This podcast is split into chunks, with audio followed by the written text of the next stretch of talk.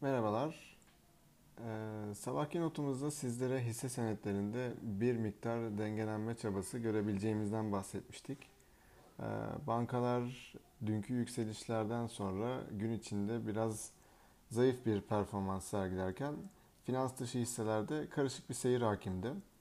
Ee, sonuç olarak e, BIST 100 endeksi e, günü 0.20 e, puanlık artış ile 1515 puan seviyesinden kapattı. Burada hisse senetlerine baktığım zaman e, güçlü olanlar arasında e, Migros, Coca-Cola e, ve e, gün içerisinde Koza grubunun e, gelen haberiyle beraber, rezerv e, haberiyle beraber Koza grubu hisselerinin e, kuvvetli olduğunu e, görüyorum. E, burada geri çekilme olarak e, Petkim dünkü yükselişin e, kar realizasyonunu yapmış gibi gözüküyor. E, burada nafta etilen, e, daha doğrusu etilen ve nafta arasındaki makasın geçtiğimiz hafta nafta fiyatındaki artış nedeniyle daraldığını görmüştük.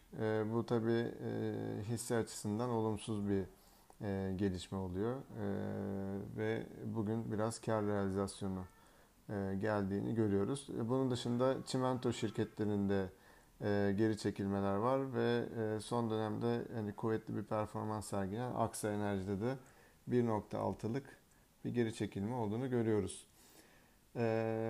TL tarafına baktığımız zaman bugün TL güçlenmeye devam etti. Dolar TL günü 7.03 seviyesinden kapattı. Şu an 7.04-05 arasında işlem görüyor.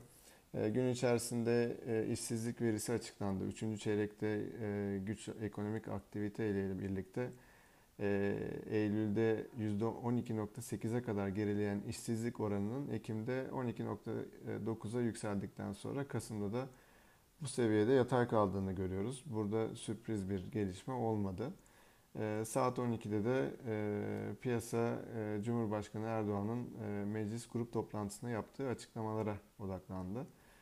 E, bunların dışında e, gün içerisinde bir haber akışı yoktu. E, bugün e, 2020 e, sene sonu bilançosunu açıklayacak şirketler arasında Ford Otosan ve Türk Traktör bulunuyor.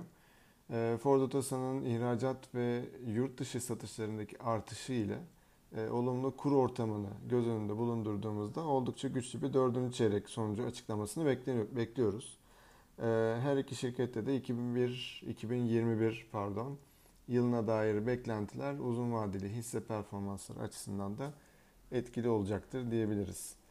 Ee, yarın e, saat 13.30'da YouTube kanalımızda e, öne çıkacak dördüncü çeyrek bilançolarını tartışacağımız bir yayınımız olacak. İlgilenenleri programımıza bekliyoruz. Herkese iyi akşamlar diliyoruz.